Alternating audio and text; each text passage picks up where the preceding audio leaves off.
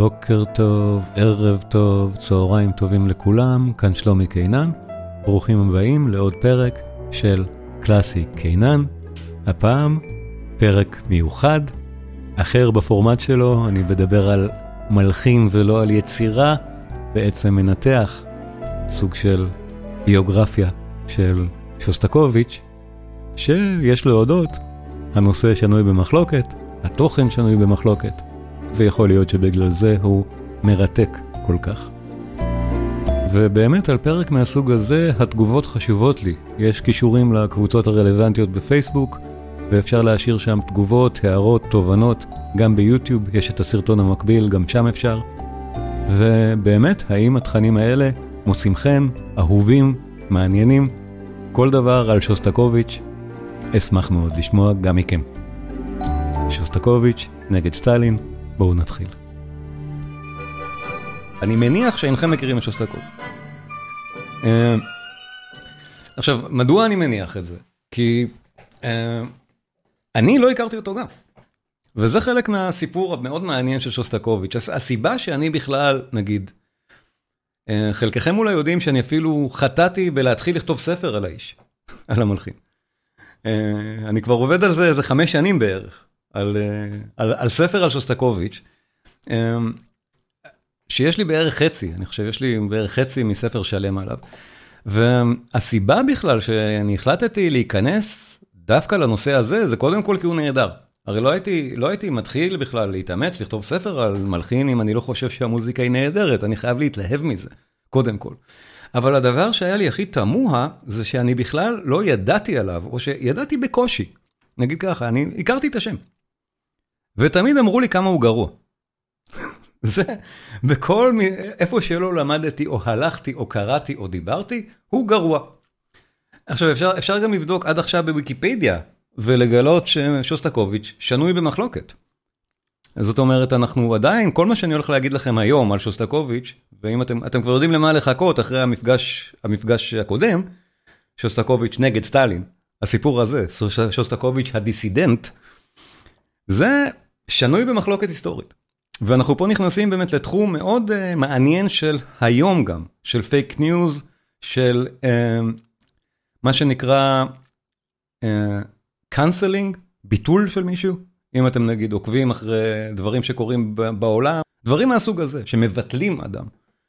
אז שוסטקוביץ' זכה לביטול פעמיים ברוסיה הסובייטית, והדינמיקה מאוד מאוד דומה לביטולים של אנשים שאנחנו רואים עכשיו, למרות שברור ששם זה הרבה יותר גרוע, וכל הסיפור של שוסטקוביץ' באמת אומר דרשני, והוא מאוד מעניין. אז אם בודקים נגיד בוויקיפדיה, אנחנו נקרא שעד היום אנחנו לא יודעים, שוסטקוביץ' היה כנראה, כן, אה, אה, ייצג את הקומוניזם הסטליניסטי במוזיקה.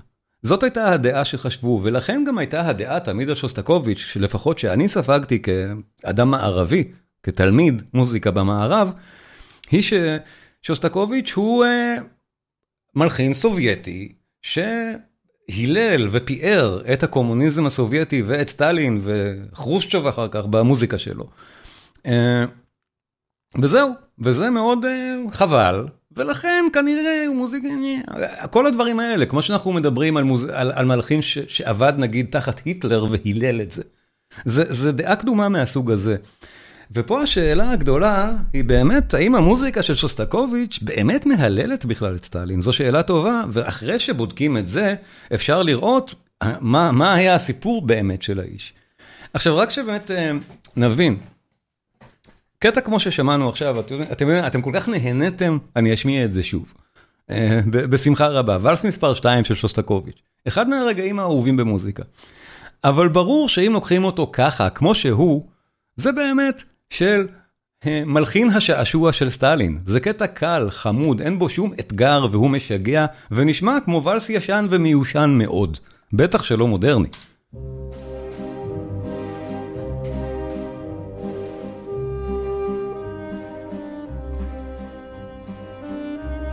אז זו מוזיקה שלאורך כל המאה ה-20 הרי, מוזיקה שדומה לזה אפילו, זוכה לזלזול מקיר אל קיר, היות והיא לא מספיק אומנותית.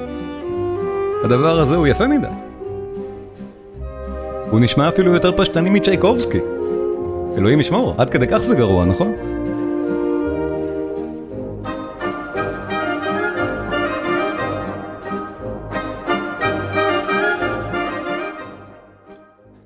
אז תנו לי בינתיים, אני אקריא קצת משהו שגם ציטטתי אצלי במה שאני כותב. על מה שאני ספגתי על שוסטקוביץ' ולמה אני חשבתי שהוא באמת גרוע לפני ששמעתי אותו. באמת ככה. אז uh, uh, בשנת uh, 2006 היה מה, חגיגת המאה להולדתו של שוסטקוביץ', uh, צצו מאמרים שתיארו באמת את ההיפוך, מהפך, באמת מהפך שחל במעמדו של שוסטקוביץ' במערב. וג'רארד מקברני, מהגארדיאן, מתאר את זה כך, במאמר מ-2006. הוא כותב ככה, כל מוזיקאי מערב אירופי כמוני, שגדל וחונך על הקונסנזוס הפוליטי-אסתטי של תקופת המלחמה הקרה, זוכר בוודאי איך המורים באקדמיה, הפרופסורים והמנטורים פוטרים את דימיטרי שוסטקוביץ' כמלחין חסר כל ערך. הקומפוזיציה שלו הייתה שגויה, נאמר לנו בלהט. תזכרו את המשפט הזה, הקומפוזיציה שלו הייתה שגויה. והוא נחשב במקרה הטוב קפלמייסטר מהדרג השני, חיקוי, חיקוי דל של מלחינים כמו פרוקופייב או הינדמית. בשום פנים אין להזכיר את שמו ליד האלים המהוללים של המודרניות, כמו שנברג, ברטוק או סטרווינסקי. המגדילים לעשות אף הכריזו שהוא גרוע הרבה יותר מסתם בינוני, מתארים בכעס את היותו מלחין החצר של המשטר הסובייטי, של סטלין, חרושצ'וב וברז'נייב, משרת נרצע, ספק של מוזיקה בהזמנה המתחזה לאומנות גבוהה, מוזיקאי של סרטי תעמולה סובייטיים, מצעדים, תהלוכות צבאיות עם טנקים וטילים בליסטיים, ושאר מאפיינים לא נעימים של המציאות מעבר למסך הברזל.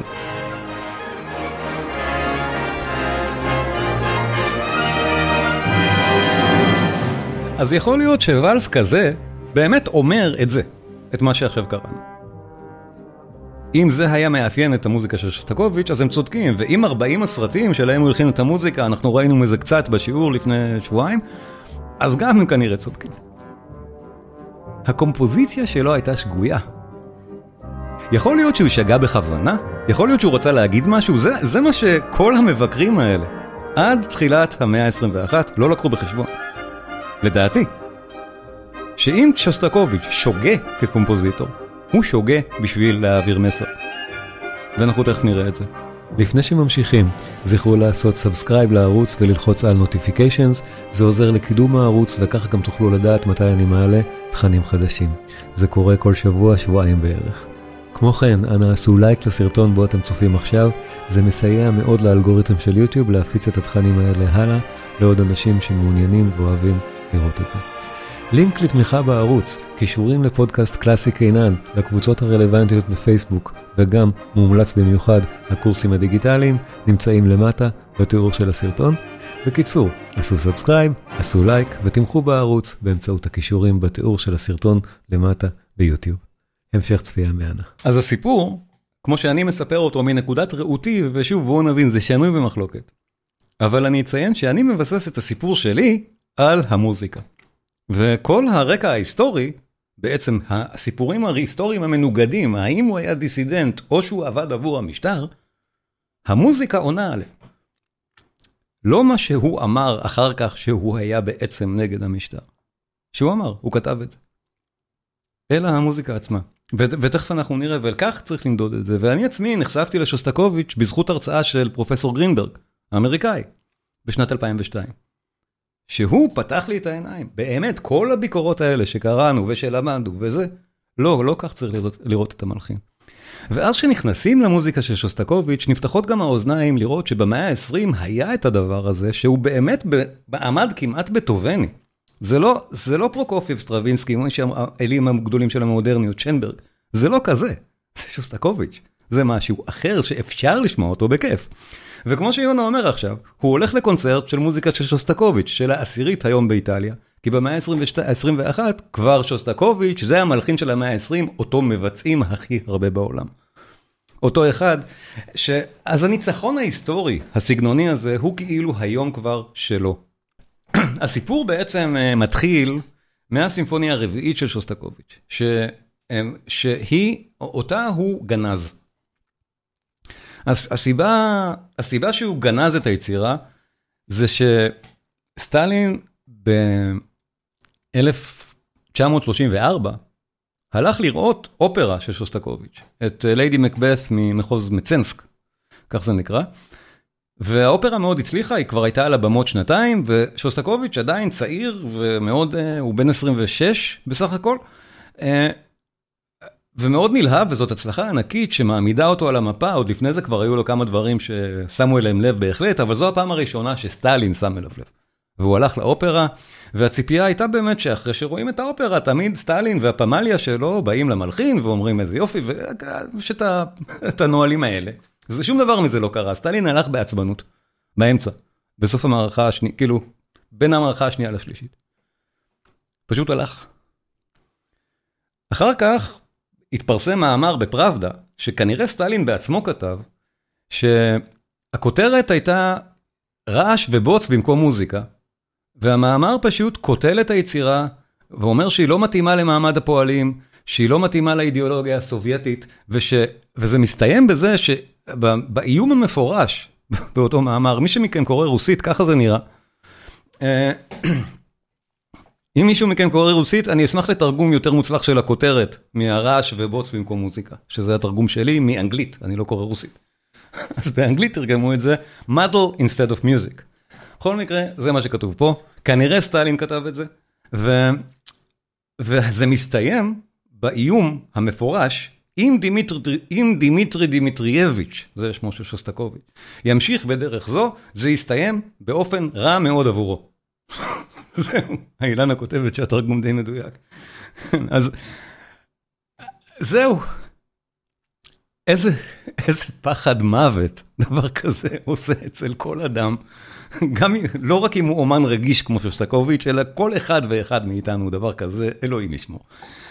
אז הדבר הראשון ששוסטקוביץ' עשה בעקבות המאמר הזה, זה למחוק את הסימפוניה הרביעית, פשוט למחוק אותה. היא כבר הייתה בשלבי חזרות אחרונים עם הפילהרמונית של לנינגרד, והוא פשוט השמיד את כל התווים שהיו ברשותו. ביטל את זה לגמרי. הסיבה היחידה שיש לנו בכלל את הרביעית של שוסטקוביץ', זה בגלל שהוא לא ידע או לא זכר להשמיד את התווים שנשארו אצל הנגנים. וזה עוד נותר, ובשנות ה-60 סוף סוף הועלתה היצירה, אחרי שזה כבר לא סטלין ואפילו לא חרושוב, זה ברז'ניאב, אז כבר אפשר היה. היצירה סוף סוף עלתה והוא ממש בכה בדמעות. אז את הרביעית שלו הוא, הוא פשוט ביטל, הוא גנז לגמרי מהפחד של זה מה שסטלין יפרש, שהוא ממשיך בדרך הזו. ואז זה יסתיים בצורה רעה עבורו. אז ממה הוא כל כך פחד ברביעית? יש הרבה, הרבה פרשנויות למה מה סטלין בכלל רצה במוזיקה, בדרישות שלו מהמלחינים. באותה צנזורה שהוא הפעיל על המוזיקאים שהתיישרו לפי סטייל, שסטלין קרא לו, לסטייל המערבי, סטייל פורמליסטי, הוא קרא לזה פורמליזם, וביקש או דרש ממלחיניו הרוסים שלא יהיו פורמליסטים. אי אפשר להגדיר את זה. מה זה פורמליזם? פרוקופייב אמר בצחוק, באופן, שוב, מפורסם, באופן אירוני, מעט לפני מותו, שמבחינת סטלין, מוזיקה פורמליסטית זה מוזיקה שסטלין לא יכול להבין בשמיעה אחת. זהו, זו ההגדרה כנראה הכי מדויקת למה זה אומר מוזיקה פורמליסטית. אבל כך או כך, אה, הפורמליזם, או לא, בסימפוניה הרביעית, מה שלדעתי הפחיד את שוסטקוביץ', זה הסוף המאוד מאוד דיכאוני שלה. כי הסימפוניה מסתיימת באמת באווירה, בואו נשמע רגע את אווירת הסיום, ותזכרו, אנחנו עדיין בקורס של מוזיקה מהסרטים, אמנם לא זו, זו לא מוזיקה לקולנוע, אבל תשמעו כמה הוא קולנועי וכמה המוזיקה הזאת משפיעה על קולנוע, על כל גווניו אחר כך. שוסטקוביץ', הסימפוניה הרביעית, התווים שמסיימים אותה, תזכרו את המרקם הזה, כי נשמע אחר כך אותו עצמו מתייחס לזה בסוף חייו.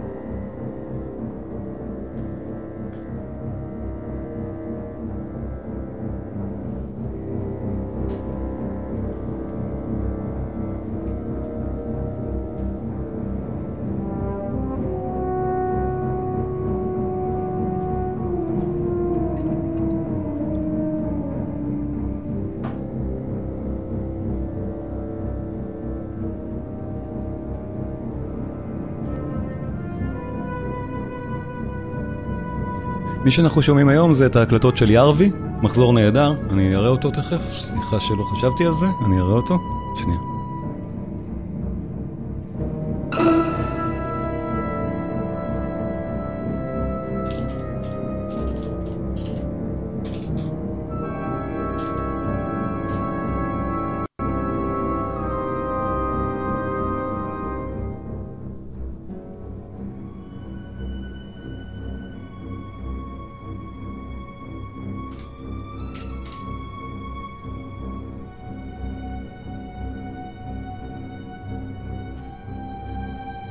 אנחנו נשמע את ההקלטות האלה של ירווי היום, גם שאר הסימפוניות שהקליט את כולם נהדר, מנצח נפלא, ודאי שיש הקלטות רוסיות נהדרות של uh, ירווי. פז שואלת למה המוזיקה כל כך קודרת, כן, זו בדיוק הנקודה. לכן הוא, לכן הוא ביטל את היצירה. הוא פחד שבגלל שהיא כל כך קודרת ודיכאונית, סטלין יחליט לממש פה את האיום. הדבר הזה בהחלט לא מתאים לאידיאולוגיה הסובייטית. זה היה החשש של שוסטקוביץ', לדעתי.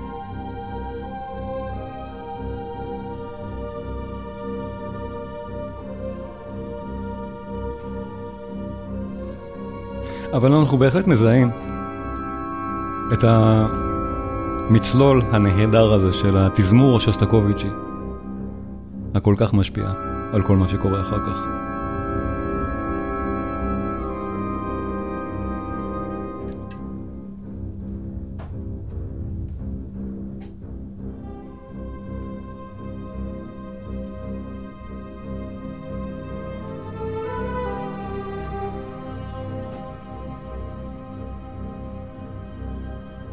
אז מכאן אנחנו באמת מגיעים לתקופה קשה מאוד של שוסטקוביץ', של שנתיים, שבהן הוא פשוט מוכה, פוטר מהעבודה שלו, אין לו עבודה, הוא מובטל.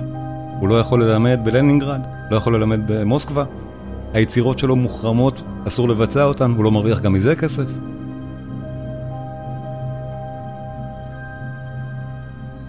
ושנתיים שהוא מחכה שיבואו המשטרה החשאית לעצור אותו, ממש ככה, יש תיאורים על זה. שהוא בפחד מוות, לא ישן בלילות עם תיק עם בגדים ומברשת שיניים, מחכה שיבואו לקחת אותו לגולאג.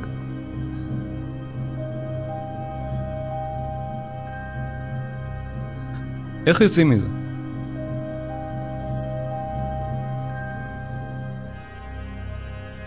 מה שהוא החליט, ומפה מתחיל באמת הדילמה לגבי שוסטקוביץ', למה במערב חשבו שהוא גרוע הסימפוניה החמישית שלו אמורה להיות זו שמצילה אותו עכשיו. הסימפוניה הבאה, שיוצא, היצירה הגדולה הבאה של שוסטקוביץ' שיוצאת לאור, חייבת לשכנע שהוא ישתקם. את זה הוא הבין. אז קודם כל הוא החליט לא להלחין יותר אופרות בכלל. אין יותר אופרות של שוסטקוביץ' אחרי אותו ליידי מקבט שבגללה סטלין אה, נכנס בו מלכתחילה. הסיבה, שוב, ברור, אופרה זה ז'אנר שאומר משהו. יש מסר באותה אופרה, ובאופרה, גם בליידי מקבט, המסר הוא העריץ. לא משנה, העריץ בא על עונשו בסוף. ו- וכנראה זה מה שסטלין לא אהב שם. על כל פנים, אופרות יותר שוסטקוביץ' לא נגע. הדבר אה, השני שכנראה הוא החליט, זה לסגל לעצמו אירוניה במוזיקה. ומפה אנחנו מקבלים את הרמזים הבאמת ששוסטקוביץ' לא היה משרת של סטלין. כי במוזיקה יש לנו את זה. במוזיקה הוא יכול להגיד דברים שסטלין לא מבין. ומכאן הוא מתחיל לעשות את זה. בשנתיים האלה כנראה הוא עיצב לעצמו מין מתווה של איך להתנהל אומנותית בתוך הדבר הזה, בלי לסכן בעצם את חייו. הסימפוניה החמישית של שוסטקוביץ', שוב, אחת המפורסמות במאה ה-20, ופה שוסטקוביץ' קרא לזה פשוט המסקנה היצירתית של אומן סובייטי בעקבות ביקורת, מוצדקי, ביקורת מפלגתית מוצדקת. זו הכותרת של סימפוניה חמישית.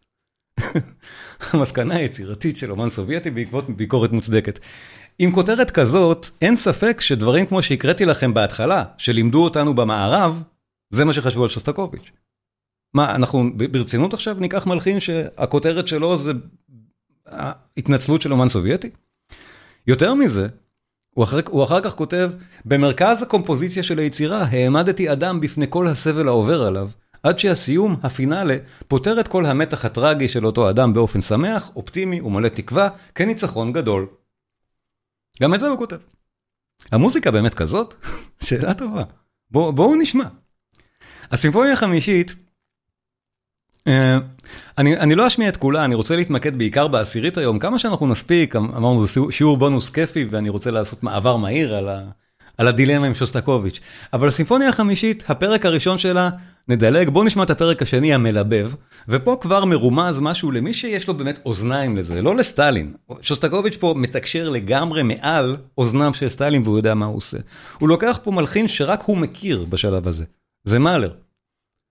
ואף אחד באמת, אם אנחנו מכירים טיפה את ההיסטוריה של המוזיקה, אולי מהרצאות אחרות שלי, או אולי בלי קשר, מאלר לא היה בכלל מלחין מוכר עד שנות ה-60 של המאה ה-20. רק יודעי דבר, באמת, רק מלחינים שחיפשו את זה, ושוסטקוביץ', איך בדיוק הוא הגיע למוזיקה של מאלר, שאלה מצוינת, כי היא לא הייתה פשוט מבוצעת בשום מקום, ודאי שלא ברוסיה. אבל הוא הכיר אותה מעולה, ממש מעולה, עד כדי כך שהוא יכול לעשות פרפרזות על מאלר. וזה מה שהוא עושה. הוא מצטט את מאלר כמה פעמים, אבל במקרה הזה, הוא פשוט לוקח דוגמה ממאלר. איך ליישם אירוניה במוזיקה.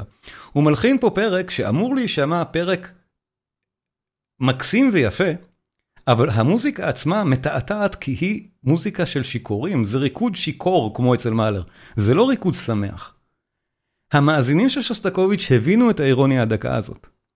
הציטוטים ממאלר ישירות הם ברורים כי מאלר מס... מגדיר אצלו את הדבר כריקוד שיכור. אצל שוסטקוביץ', הפרק המשגע הזה, הפרק השני של הסימפוניה החמישית, בואו נשמע אותו בכיף ונבין את התעתוע. סטלין יכול מאוד ליהנות מהמוזיקה הזאת כי היא מקסימה בערך כמו אותו הוואלס. הקהל, לעומת זאת, הרגיש לזה, וגם אנחנו היום מבינים שיש פה משהו מתעתע. אבל פה זה רק מתחיל. התמה הראשונה.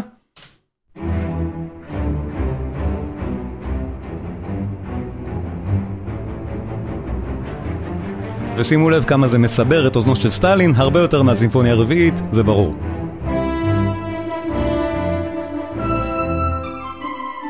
עכשיו, מי שלא מכיר, או לא הכיר בכלל, את מאלר אז, לא ידע לזהות את זה. אבל היום, כשאני שמעתי למשל את הפרק הזה בפעם הראשונה, חשבתי שזו יצירה עלומה של מאלר. עד כדי כך זה מזכיר.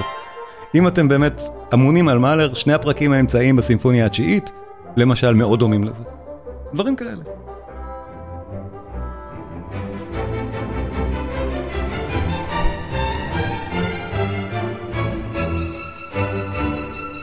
ושימו לב, עכשיו מגיע הנושא השני, המקסים לא פחות, והמאוד מאוד שיכור.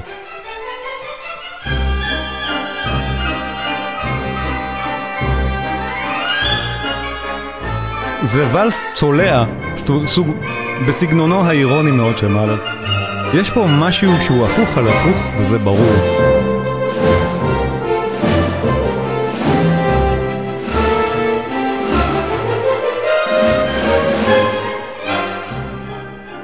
מוזיקה נהדרת, פשוט ככה.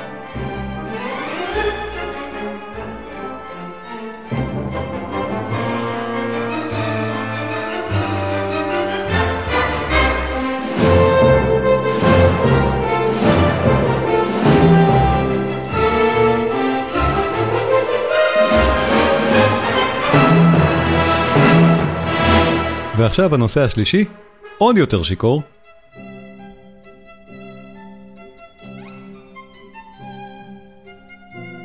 ממש לא מצליח להגיע הביתה מרוב וודקה. ושוב, זו היצירה שהכותרת שלה, המסקנה היצירתית של אומן סובייטי בעקבות ביקורת מוצדקת.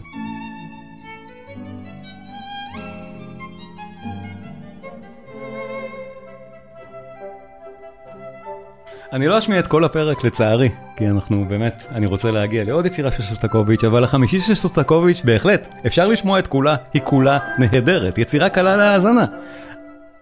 מחביאה בתוכה את האלמנטים האלה. הפרק השקט של היצירה, הפרק הבא גם, אה, מאוד מעניין שוב, התגובות של הקהל בביצועי בכורה של החמישית, הקהל כנראה הבין שמדובר על סבלו האישי של שוסטקוביץ', הפרק השקט הוא כל כך קורע לב, שבאמת כנראה לא היה להם הגיוני שהמסר הזה הוא בדיוק מה שכתוב. אבל הדברים האלה הם עניינים רגשיים, הם לא ספציפיים בינתיים.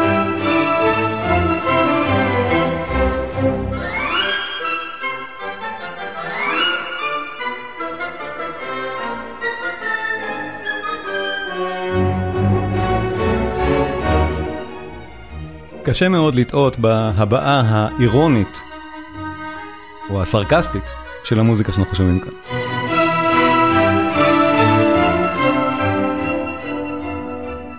חזרנו לנושא הראשון, ואני מפסיק ועובר הלאה, כי הדבר הכי מעניין בסימפוניה החמישית, לדעתי, מעניין, לאו דווקא יפה, קורה בסוף, בפר... בפינאלה. הפרק האחרון, בואו נזכור שסטקוביץ' באמת ידע מה הוא עושה. הוא סיגל לעצמו אירוניה מאוד מדויקת כאן, כשהוא כתב, במרכז הקומפוזיציה של היצירה העמדתי אדם בפני כל הסבל העובר עליו, עד שהסיום, הפינאלה, פותר את כל המתח הטרגי של אותו אדם באופן שמח, אופטימי ומלא תקווה כניצחון גדול. בואו נשמע, הסיום, הפינאלה, שפותר את כל המתח הטרגי של אותו אדם באופן שמח, אופטימי ומלא תקווה כניצחון גדול, נשמע ככה.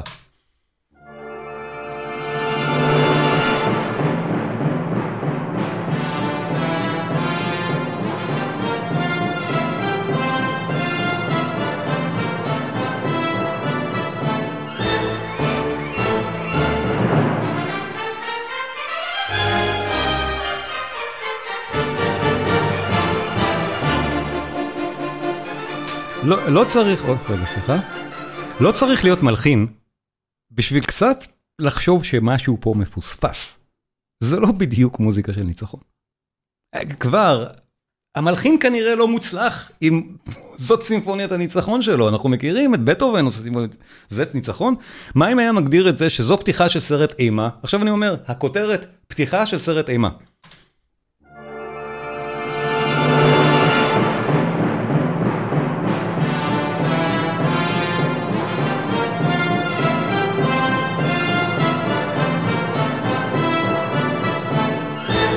פתאום הוא מלחין מוצלח. אבל, אבל האירוניה לא נגמרת כאן. בסוף, בסוף הפרק יש שגיאה רצינית בקומפוזיציה. תזכרו, מה, ש, מה שכל המומחים כותבים עליו תמיד, אה, שאני גם שמעתי ממוריי והמנטורים, הקומפוזיציה שלו הייתה שגויה. נכון, שגויה ברור, אבל צריך לראות למה הוא טועה. בסוף, בסוף הפרק, שוסטקוביץ' פה לוקח סיכון באמת גדול שאני חושב שמחייב אומץ, כי מוזר מאוד שסטלין והפמליה המפלגתית לא הבחינו בזה. בסוף, יש לנו את הטבלה, זה. אני מנגן אותו עכשיו בצורה מעצבנת, כי בדיוק ככה הוא נשמע ביצירה. בסוף היצירה הדבר הזה חוזר 253 פעם. ככה. אין ספק שזו שגיאה, בטח שבמסגרת של קומפוזיציה מסורתית, היצירה מוצגת כיצירה מסורתית, ארבעה פרקים, אפשר להאזין לה כמו סימפוניה של בטהובן, והדברים האלה לא נגמרים ככה. אין דבר כזה. מה זה בכלל? בואו נשמע, הסוף של הסימפוניה של הניצחון הגדול, שימו לב.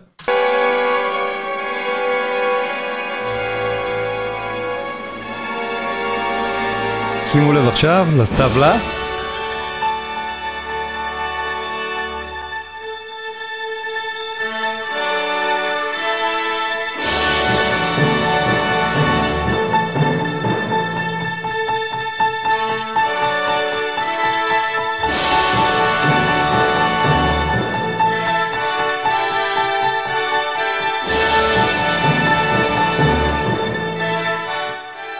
אחר כך, הרבה אחר כך, שוסטקוביץ' כתב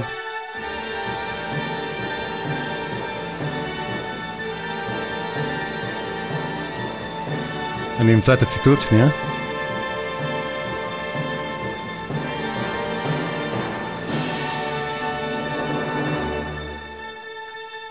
הוא כותב ככה: ברור שהשמחה מאולצת, תוצר של איום וכפייה, כמו בבוריס גודונוב.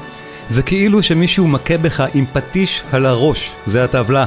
מכה בך עם פטיש על הראש, וצורח, אתה מוכרח להיות שמח, אתה מוכרח להיות שמח, ואז אתה קם, מוכה ומטושטש, צועד בתהלוכה עם כל השאר וצועק כמו מכונה, מוכרחים להיות שמחים, מוכרחים להיות שמחים. זו הסימפוניה, החמישית, התנצלות של אומן סובייטי. כל המסר הנסתר הזה במוזיקה עבר את הצנזורה. לא שמו לב אליו. ובאותם דברים ששוסטקוביץ' אמר, פירשו אותו אחר כך במערב כאילו שהתכוון אליהם ברצינות. ההתנצלות של אומן סובייטי, סימפוניית ניצחון גדולה, זה לא נשמע כמו ניצחון, לא נשמע כמו התנצלות. אז מה? המלחין גרוע. אולי הוא לא התכוון בדיוק לזה? אבל אם זה מעט, מעט תמוה, הסימפוניה העשירית כבר הופכת להיות באמת משהו הרבה יותר ליטרלי. זאת אומרת, שוסטקוביץ' כאן כבר משכלל את הטכניקות האלה של אירוניה שמובעת במוזיקה ושל מסרים חבויים שמובעים בתוך המוזיקה.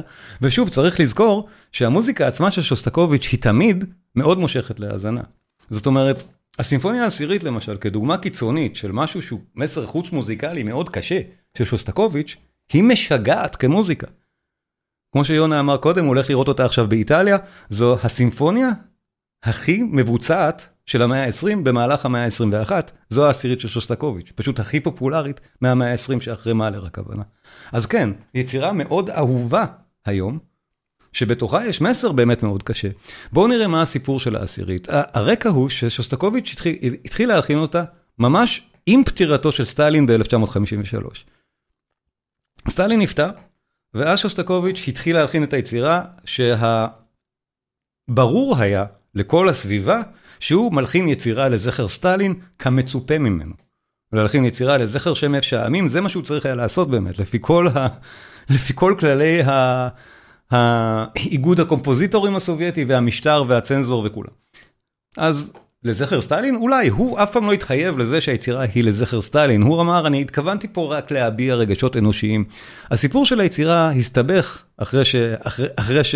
אחרי שהוא יצא, אחרי שהיא יצאה לאור, ובסופו של דבר, בגלל שהיא נראתה קצת אולי חשודה ל... ל... לרג'ים, לשלטון, הזמינו אותו לוועדה מפלגתית לחקור אותו על היצירה. אחרי שהיא יצאה לאור, ב-1954. ואז הוא התנצל ככה, הוא כתב, הוא אמר לוועדה, וזה ציטוט מפורסם של שוסטקוביץ', שאחרי זה הופץ בכל העולם, הוא אומר ככה על הסימפוניה העשירית. בפרק הראשון עדיין לא הצלחתי לכתוב אלגרו סימפוני כמו שתמיד חלמתי. הוא ארוך מדי וכבד מדי. לעומת זאת, הפרק השני קצר מדי, בקושי ארבע דקות. כתבתי אותו בחיפזון, ולכן הוא כל כך חדגוני ורועש. הפרק השלישי די מוצלח, אבל לא לגמרי, גם הוא מעט ארוך מדי ומבולבל, ולכן הוועדה צודקת לגמרי בטענתה שהמוזיקה נשמעת כמתעתעת לאוזני המאזין הסובייטי. ועל הפרק הרביעי אני מתנצל בפני הוועדה וציבור הפועלים הסובייטי, כי התכוונתי לתת הרגשת ניצחון גדול אחרי מאבק, אך לא הצלחתי, וכך יצא שתחילתו האפלה והאיטית של הפרק מפריעה לניצחון להרגיש שלם. את כל זה הוא אומר לוועדה, ועדת חקירה ממלכתית כזאת, שיכולה לשלוח אותו לגולאג אם הוא לא מוצא חן בעיניה. אחר כך, במערב, מה שאנחנו קוראים זה מה שהקראתי לכם בהתחלה. הקומפוזיציה שלו הייתה שגויה. כן, בסדר. זאת הבעיה שלי באמת עם כל האג'נדה הזאת שהתפרקה לגמרי, לדעתי, בשנות ה-90, על שוסטקוביץ' משתף פעולה עם המשטר. זה שהוא אמר את זה, אז אמר, בואו נקשיב למוזיקה. והמוזיקה באמת אומרת משהו אחר, ברור שהוא צריך להסתיר פה באמת בכל, בכל דרך אפשרית, רטורית, את, את מה באמת הוא מתכוון, כי זה כתוב כבר בתווים, לא בכותרות של היצירה. מה כתוב פה בתווים? בואו נשמע. ואני שוב, אנחנו נשמע מעט, כי זה שיעור מהסוג הזה, ממליץ לכם בכל לשון של המלצה, ללכת, אם אתם שומעים דבר אחד של שוסטקוביץ' אחרי, אחרי השיעור הזה, תאזינו לסימפוניה העשירית. זה מתחיל ככה, התחלה באמת מסתורית מאוד, שמתחילה בסוג של מוטיב של שלושה תווים ואחריהם עוד שלושה, שדומה מאוד למוטיב הדרקון מטבעת הניבלונגים של וגנר. סתם אני מציין את זה, שנדע שסטקוביץ' נאחז פה כבר במשהו מוזיקלי שהוא דרקון, הידוע במוזיקה מווגנר.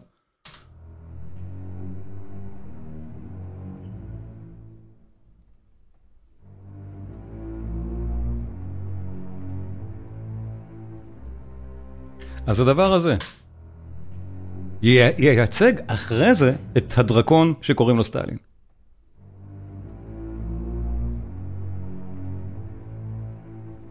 אבל זה באמת ציטוט של מוטיב הדרקון של וגנר. אז כבר, שסטקוביץ' אומר ליטרלית למי שרוצה להקשיב, זה הדרקון. שוב, אותה אווירה נפלאה ששוסטקוביץ' בגאונותו ידע לתת למוזיקה. איך זה מצלצל טוב.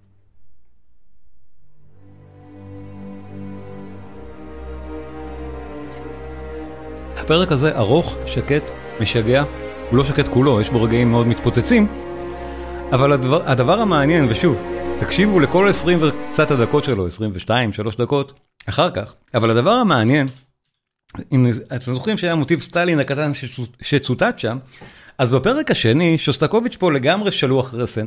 זה פרק שלבד, בלי קשר לסטלין וכל העניינים הפוליטיים, הוא כיצירה מוזיקלית של ארבע דקות, מאוד השפיע למשל על כל המוזיקה של סטאר וורס ששמענו כבר. זה כל כך נשמע ככה, זה הרבה יותר מוקדם, זה מ-53. כסגנון, באמת, תזמור או סגנון של קומפוזיציה, מאוד השפיע על קולנוע, אבל בלי קשר, זה התיאור של הסטלין הדרקון, שפשוט מועך הכל בתנועה שלו. זה התיאור, ש... זה התיאור ששוסטקוביץ' כתב אחר כך בספר שלו עדות, אבל אפשר גם לשמוע את זה, כי הוא משתמש כאן באותו מוטיב הדרקון, מהפרק הראשון, ואותו דרקון הולך ומועך פה את הכל. בואו נשמע את הפרק הזה.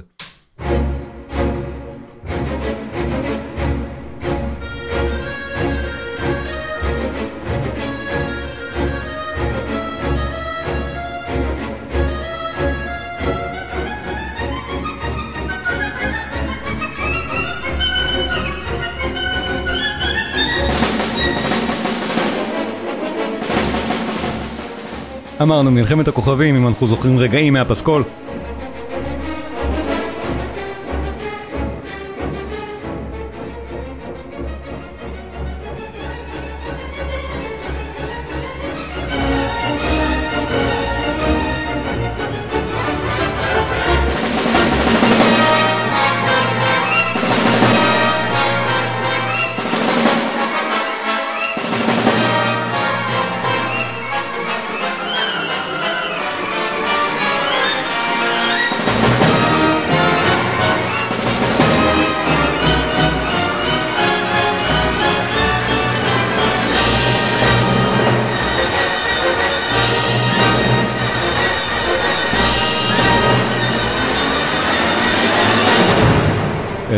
חזק זה. זה, ש... זה שוסטקוביץ', פשוט עוול שמחוץ לרוסיה לא הכרנו את זה עד שנות ה-80. פשוט לא לעניין.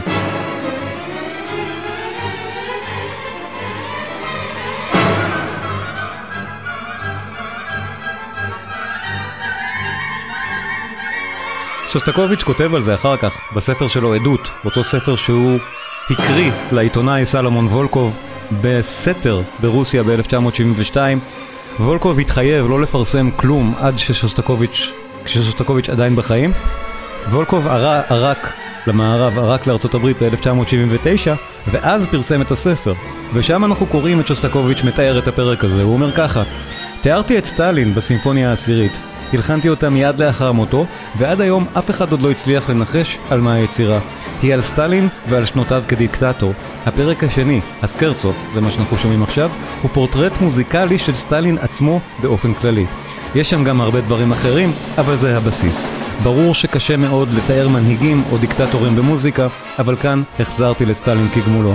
הנעל מתאימה, כמו שאומרים. לא הוגן להתמרמר על כך שהתעלמתי מהתופעה המכוערת והאיומה ביותר במציאות שלנו. סטלין שם למי שיש אוזניים לשמוע.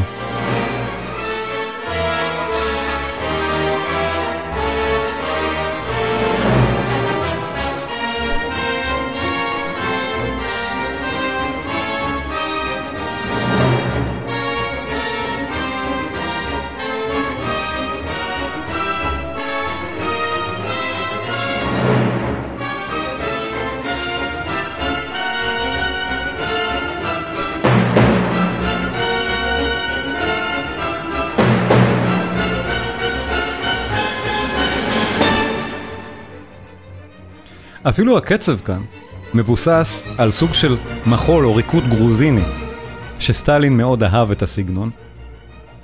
אנקדוטה נחמדה, יש פה התייחסות נהדרת לסטלין.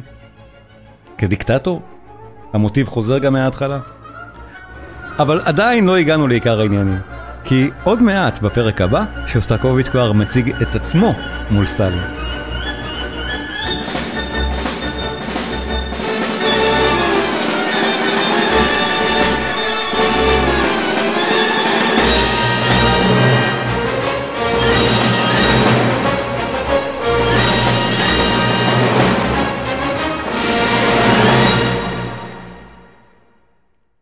זה פרק פרק. ועכשיו, בפרק השלישי, אנחנו מגיעים באמת לצופן הכי רציני של שוסטקוביץ', אני חושב, בכל היצירות שלו. זה כבר די ידוע, אני חושב, זה כבר לא סוד, למרות שאז לא הבינו את זה. ודאי שלא השלטון. אבל השם של שוסטקוביץ' בתעתיק גרמני זה DSCH, זה האותיות האלה. ודימיטרי שוסטקוביץ', כך בגרמנית. בתווים זה ארבעה תווים.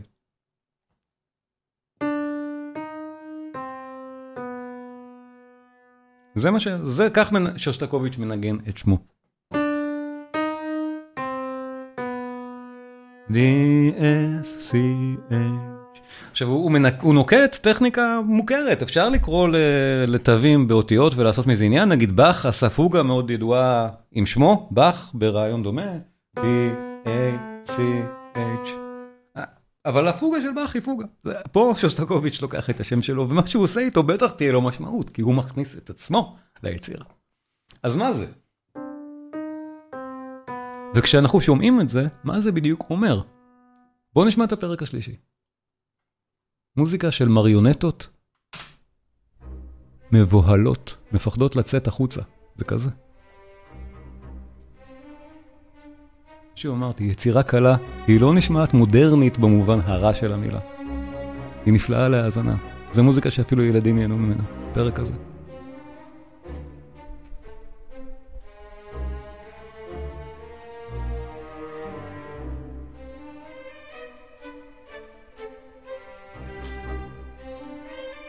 אז יש לנו פה כמה מוטיבים מוזיקליים כאלה, של כל מיני בובות, דמויות, נגיד ככה. ארבע או חמש דמויות. אחת מהן תהיה שוסטקוביץ' תכף, שנדע שזה הוא לפי אותו מוטיב שלו.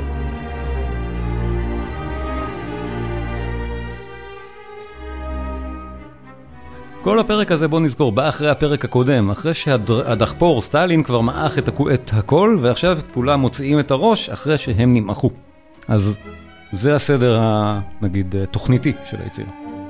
והנה הגענו, שימו לב, זוכרים? די די די, די די די, וסושטקוביץ', די אס סי אייץ'. ושוב, צץ שוסטקוביץ', די אס סי אייץ'.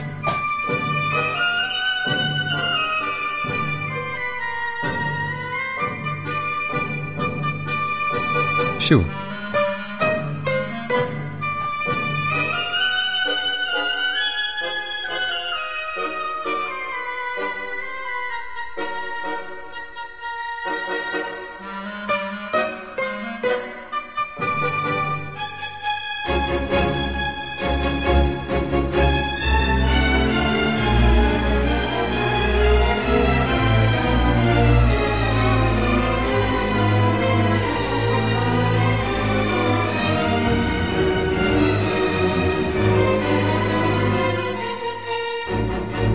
הפרק הזה הוא מרתק, בטח שבהתרחשות של שוסטקוביץ' מול כל שאר הדמויות ומה קורה פה. אבל מה שהכי מעניין זה מה שקורה לשוסטקוביץ' בסוף. כי אנחנו כבר מבינים, זה הוא. הוא מנגן את עצמו, בלי ספק. מה קורה לזה עכשיו כשסטלין נכנס לתמונה בפרק הזה? זו החגיגה שמוכרחים להיות שמחים, חגיגות אחד במאי עם הפטיש על הראש. אז שוסטקוביץ' צועד באותה חגיגה כמו רובוט.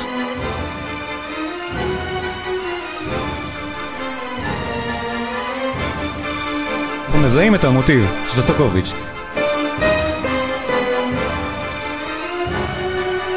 אז פה סטלין כבר מתחיל את החגיגה של הפטיש על הראש, מה שאנחנו מכירים כבר מקודם, אבל לאט לאט הוא הולך ונהיה יותר ויותר דחפורי, כמו ששמענו בפרק הקודם, ושוסטקוביץ' הולך ונמעך יותר ויותר מסטלין, ומתחיל לצעוק ולכאוב לו, ותראו איך זה קורה במוזיקה.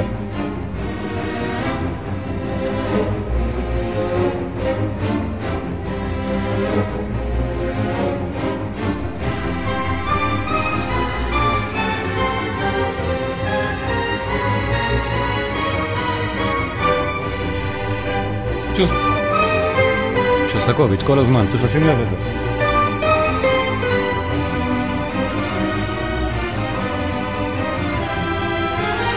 ואז לאט לאט אנחנו חוזרים לאווירה של הפרק השני, הפרוע וה...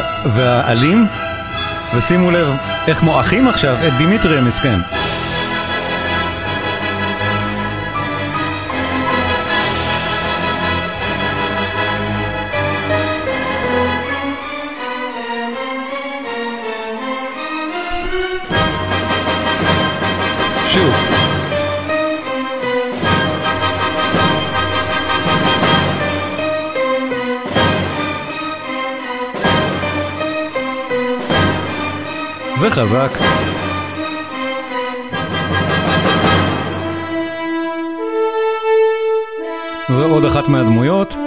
כמה דמויות קודם, משתתפות בסיפור, אבל זה בעיקר שסטקוביץ'.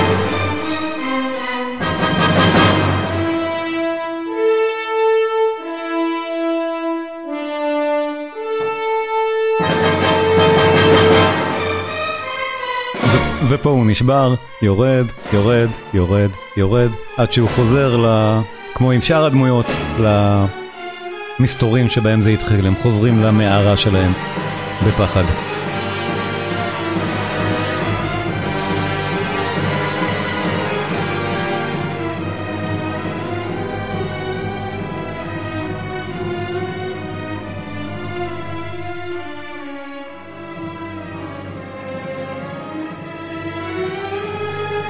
זה לא נרטיב של תומך משטר.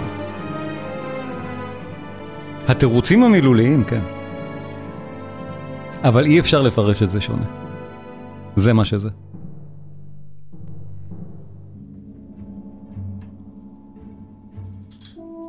הפרק עוד ממשיך, עכשיו כל המריונטות האלה חוזרות להתחבא לאווירה שהתחילה, כולל DSCH בעצמו, שבמסכנות הולכת וגדלה חוזר למערה, זה ממש כמעט גרפי.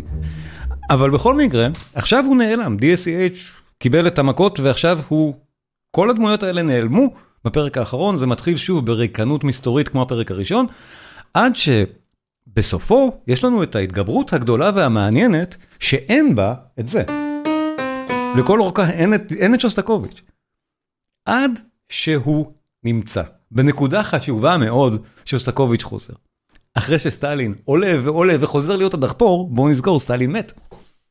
הסימפוניה הזאת היא לזכר סטלין, במרכאות כפולות ומכופלות. אז אה, בואו נשמע מה שוסטקוביץ' מרגיש בדיוק לזכר סטלין פה.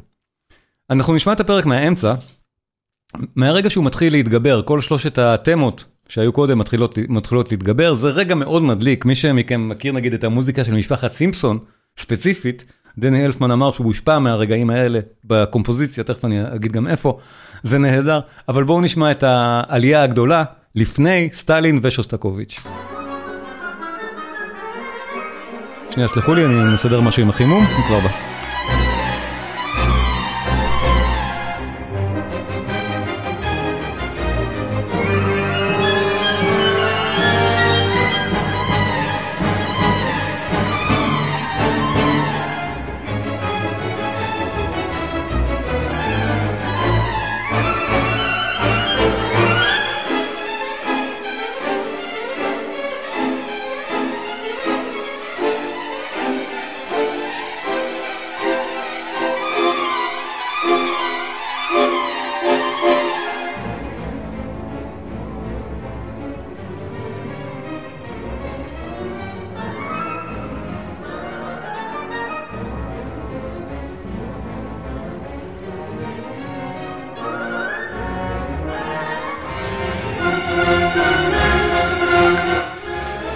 שומעים כמה זה סימפסוני בינתיים, זה מוזיקה פשוט כל כך מלהיבה, בלי קשר לכל המסר שלה, היא נהדרת.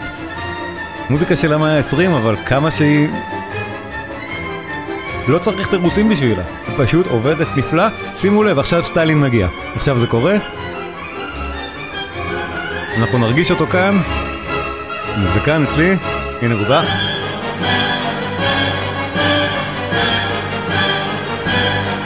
אנחנו כבר זוכרים את סטלין עוד מהפרק הראשון, הדרקון.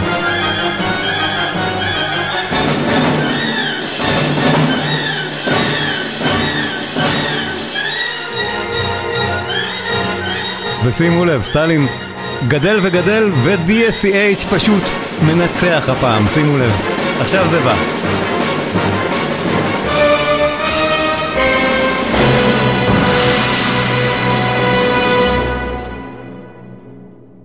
הרג את סטלין. סטלין מת. שוסטקוביץ' עדיין חי. שוסטקוביץ' שרד את זה. אז אחרי הדבר הגדול, סטלין נעצר, DSCH עצר אותו, ועכשיו DSCH, שוסטקוביץ', מתחיל להרגיש הרבה יותר חופשי. אז אנחנו נשמע את המוטיב שלו הולך ומשתלט על סוף היצירה עד הסיום הגדול והבאמת ניצחוני, זו סימפונית ניצחון בניגוד לחמישית. ש-DSCH, הנה שימו לב, S-C-H לאט לאט הוא הולך ומשתלט על הפרק, עד סופו, שבו התמות של DSCH הולכות להשתלט על זה לגמרי, שימו לב. הוא שזור פה כל הזמן. תעקבו אחרי ה...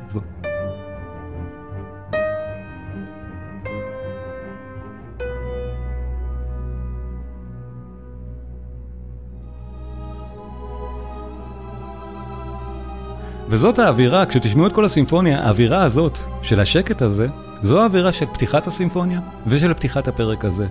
האווירה הריקה והמסתורית כאילו לפני סטלין, וגם מה שקורה בעצם אחריו. שוב.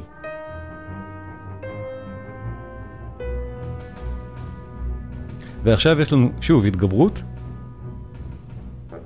שעכשיו תגיע לתמה של שוסטקוביץ', לא של סטלין, והיא תסיים את היצירה בסוף המתפוצץ והנהדר שלה.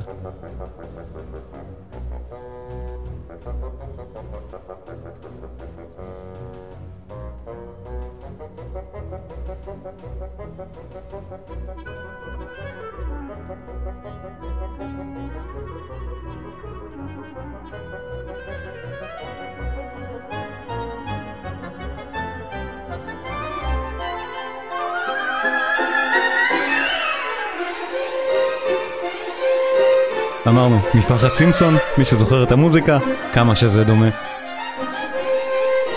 שימו לב, שוב שוסטקוביץ', מגיע עכשיו, טה טה טה טה.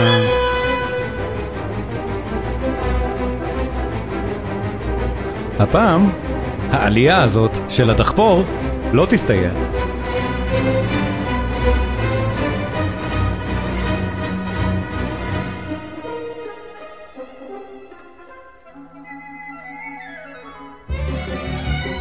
כך חמוד.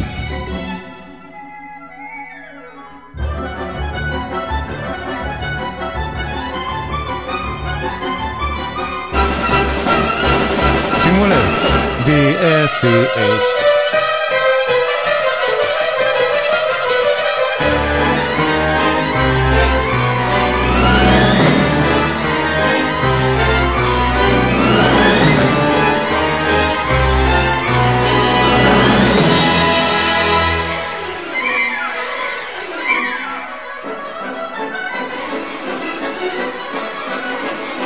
עדיין, D-S-C-H. עכשיו, טימפניז, התופים הנמוכים, מנגנים את זה. שימו לב כאן.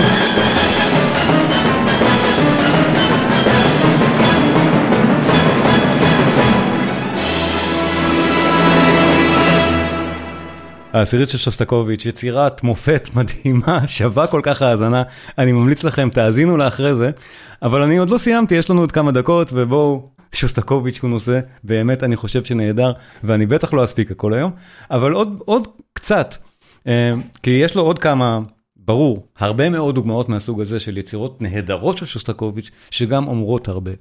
כמעט כל הסימפוניות של שוסטקוביץ', יש להם איזשהו סוג של מסר מסוג זה, נגיד ככה. כל פעם בצורה אחרת, כמו שראינו, ההבדל בין החמישית לעשירית, בדרכי ההבעה האירוניות שלהם, הוא לא נוקט את, אותה, את אותו סוג של, של דרך להגיד את מה שהוא רוצה, והמסר שלו הוא למעשה אישי פוליטי, זה לא מסר אומנותי. הוא נוקט דרכים שונות, ועוד הרבה במהלך היצירה של שסטקוביץ' אנחנו נראה את זה, ולא תמיד אנחנו אפילו יודעים מה התכוון המשורר. למשל, הסימפוניה ה-15 היא מסתורית עד היום, ומאוד מעניין לשמוע אותה ולהבין בכלל מה שוסטקוביץ' רצה להגיד שם. אני למשל לא בדיוק מבין, אני מודה, יש הרבה פרשנויות על כל היצירות האלה תמיד, אבל בואו, חידה, מה, החמיש... מה, מה, מה שוסטקוביץ' מתכוון ביצירה האחרונה שלו, ממש לפני מותו, הוא כבר היה מאושפז כשהוא הוא היה סרטן, חולה סרטן סופני. כשהוא הלחין אותה, מה, מה התכוון? פה הוא כבר לא היה תחת שום לחץ. בשנות ה-70. ברז'נייב, שוסטקוביץ' כבר הרבה מעל, יכול לעשות באמת מה שהוא רוצה, למרות שהיו לו עוד הרבה צרות עם השלטון כשהוא רצה להוציא יצירות שהיה להם מסר קשה בכוונה, למשל באבי יאר על מאורעות השואה והעם היהודי, משהו שהשלטון שם לא אהב. אבל דברים אחרים, קיבל די הרבה חופש. מה הוא רוצה להגיד בסימפוניה ה-15? שאלה טובה. זה מתחיל בדבר המשגע הזה. חנות צעצועים. ממש נשמע כמו חנות צעצועים קסומה. וחלק מהמטרה שלי פה גם להדליק אתכם על המוזיקה עצמה. כי הוא מלחין משגע.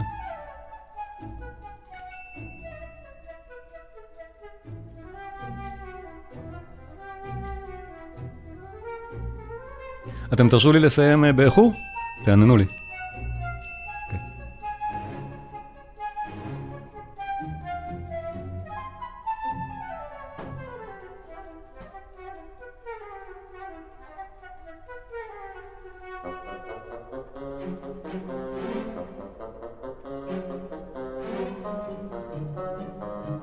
אז יש לנו את האווירה המשגעת הזאת, לכל אורך הפרק הראשון, והרבה מהסימפוניה נשמע ככה, ופתאום בתוכה אנחנו מקבלים את רוסיני, את וילהם טל. מדוע?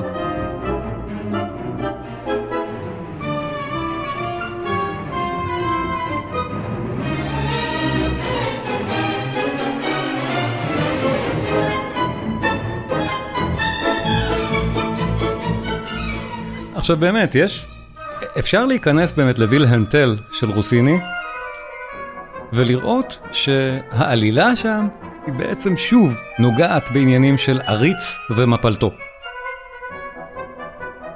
אז אולי זו הנקודה.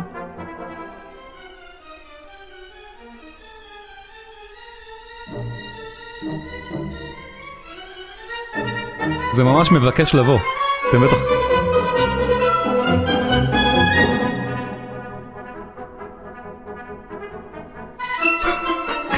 זה שם, בתוך חנות הצעצועים. ועוד כל מיני כאלה. נמצאים שם בתור תשבץ די מעניין. אבל הדברים הכי מעניינים קורים בסוף הסימפוניה. אם אתם זוכרים, ראינו את, ה... את אה, מלחמת הכוכבים ואני הדגמתי מעט לייט מוטיבים של וגנר. אחד מהחזקים שבהם, ממחזור הטבעת, זה מוטיב הגורל. שנשמע כך והוא תמיד בתנועה.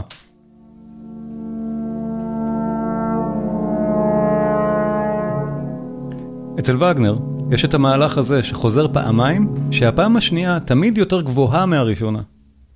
כי הגורל הוא בתנועה. שימו לב, הפעם השנייה תהיה יותר גבוהה.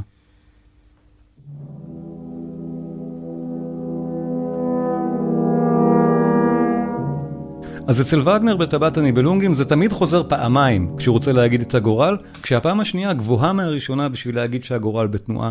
יש פעם אחת שווגנר עושה את זה פעמיים שהגורל לא בתנועה. ששתי הפעמים זהות, וזה בחלק דרמטי שבו חשוב להגיד את זה ככה. כשברונהילדה היא על ההר בסוף ול, ולקירי, ואז הגורל כאילו נעצר, ולכן וגנר עושה את הדבר הזה פעמיים, פעם אחת בדיוק באותו הסולם של השנייה, אבל תמיד אצלו זה עולה, הגורל הוא בתנועה.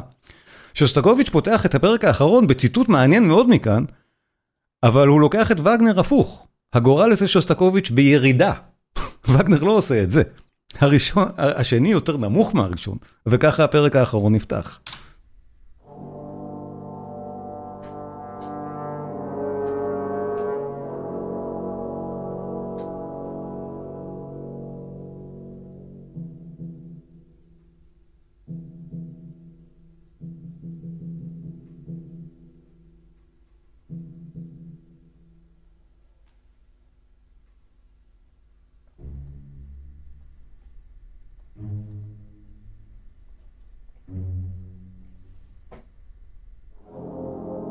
יותר נמוך מהראשון. הגורל הפוך? הגורל רע? מה קורה פה? ויתרה מזאת, מכאן הוא מתקדם לעוד וגנר, לנושא של טריסטן ואיזולדה. שוב, מי שמכיר, יבין שזה וגנר, מי שלא תאמינו לי, שהוא הולך פה לנושא מוטיב טריסטן הידוע מאוד והיפהפה, ומפתח אותו. שימו לב.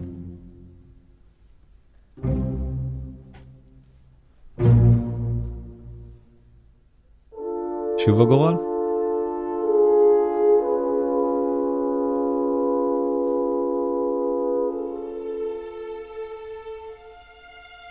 טריסטן ואיזולדה.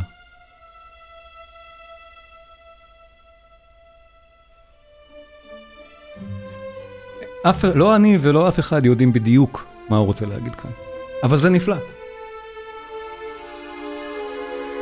הגורל ההפוך הזה עובד לי נהדר עם שסטקוביץ' איכשהו. אניגמה, נהדרת. זה לא נגמר כאן.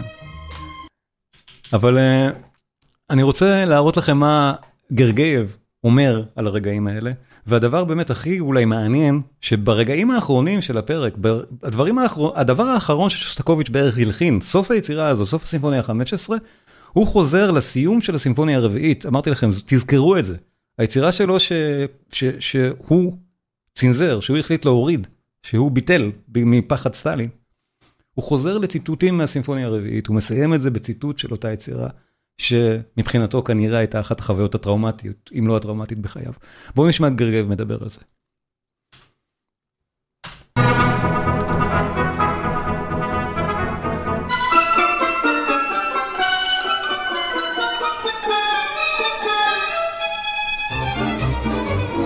In the early 1970s, Shostakovich became well aware of the increasing frailties of his body, and yet his last symphony, the 15th, is neither brooding nor full of resignation.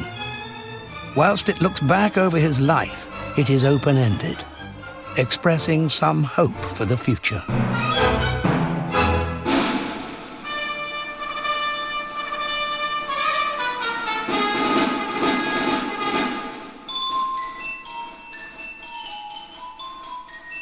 In the 15th Symphony, he felt Rossini and Wagner symbolize his childhood and youth.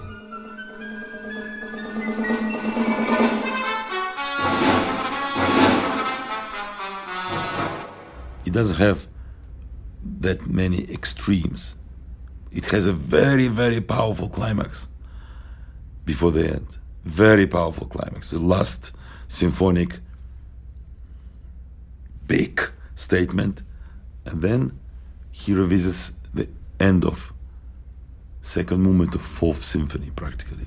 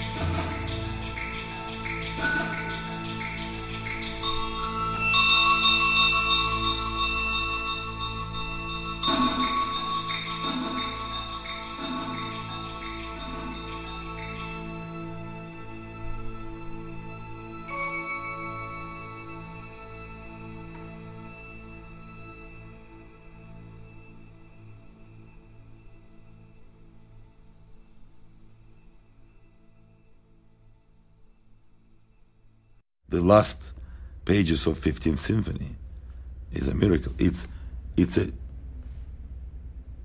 it's not only i'm not here very soon i will depart it's also he, הוא לא יודע מה he להגיד, already אין מה describes להגיד. where some something we don't know where but something is like this there this is how i hear this symphony אפילו גרגייב לא יודע בדיוק איך להסביר את הדבר הזה, כי באמת, זה אניגמה נהדרת ששוסטקוביץ' עוד השאיר לנו אחרי מכלול יצירתו, ותודה רבה לכם. לפני שנפרדים, תנו לי לספר לכם על הקורסים הדיגיטליים שנמצאים כבר ברשת. קלאסי קינן, הקורסים הדיגיטליים של שלומי קינן. הקורסים מיועדים לחובבי מוזיקה מעמיקים שרוצים לדעת יותר. המפגשים מועברים בלשון בהירה וקלה, בלי צורך בקריאת תווים או השכלה מוזיקלית. השיעורים כוללים גם המלצות על ביצועים והקלטות של היצירות. בכל קורס יש שיעור פתוח אחד לצפייה ללא תשלום, מה שאומר שזה שווה, אפילו אם אתם לא רוצים לשלם עליהם, יהיה לכם שם תוכן לראות בחינם. הקורסים שכבר יש, באך, מוזיקה מגן העדן. עמדאוס, המוזיקה האלוהית של מוצרט. מבוא למוזיקה של ריכרד וגנר. בטהובן, העוצמה והיופי. וחדש, מאלר, המשורר הסימפוני. כל אחד מהקורסים האלה יותר מ-15 שעות, וכל הזמן מתווסף גם עוד חומר. הקורסים עצמם דינמיים, ואני מוסיף להם הרצאות נוספות ככל שאני בעצמי עורך אותם. אז זה כל הזמן גם משתפר ומשתדרג. מי שמעוניין לבדוק, הקישור נמצא בתיאור של הסרטון בו אתם צופים עכשיו. אני מזכיר לעשות subscribe, לעשות לייק, ואנחנו נשתמע בפעם הבאה.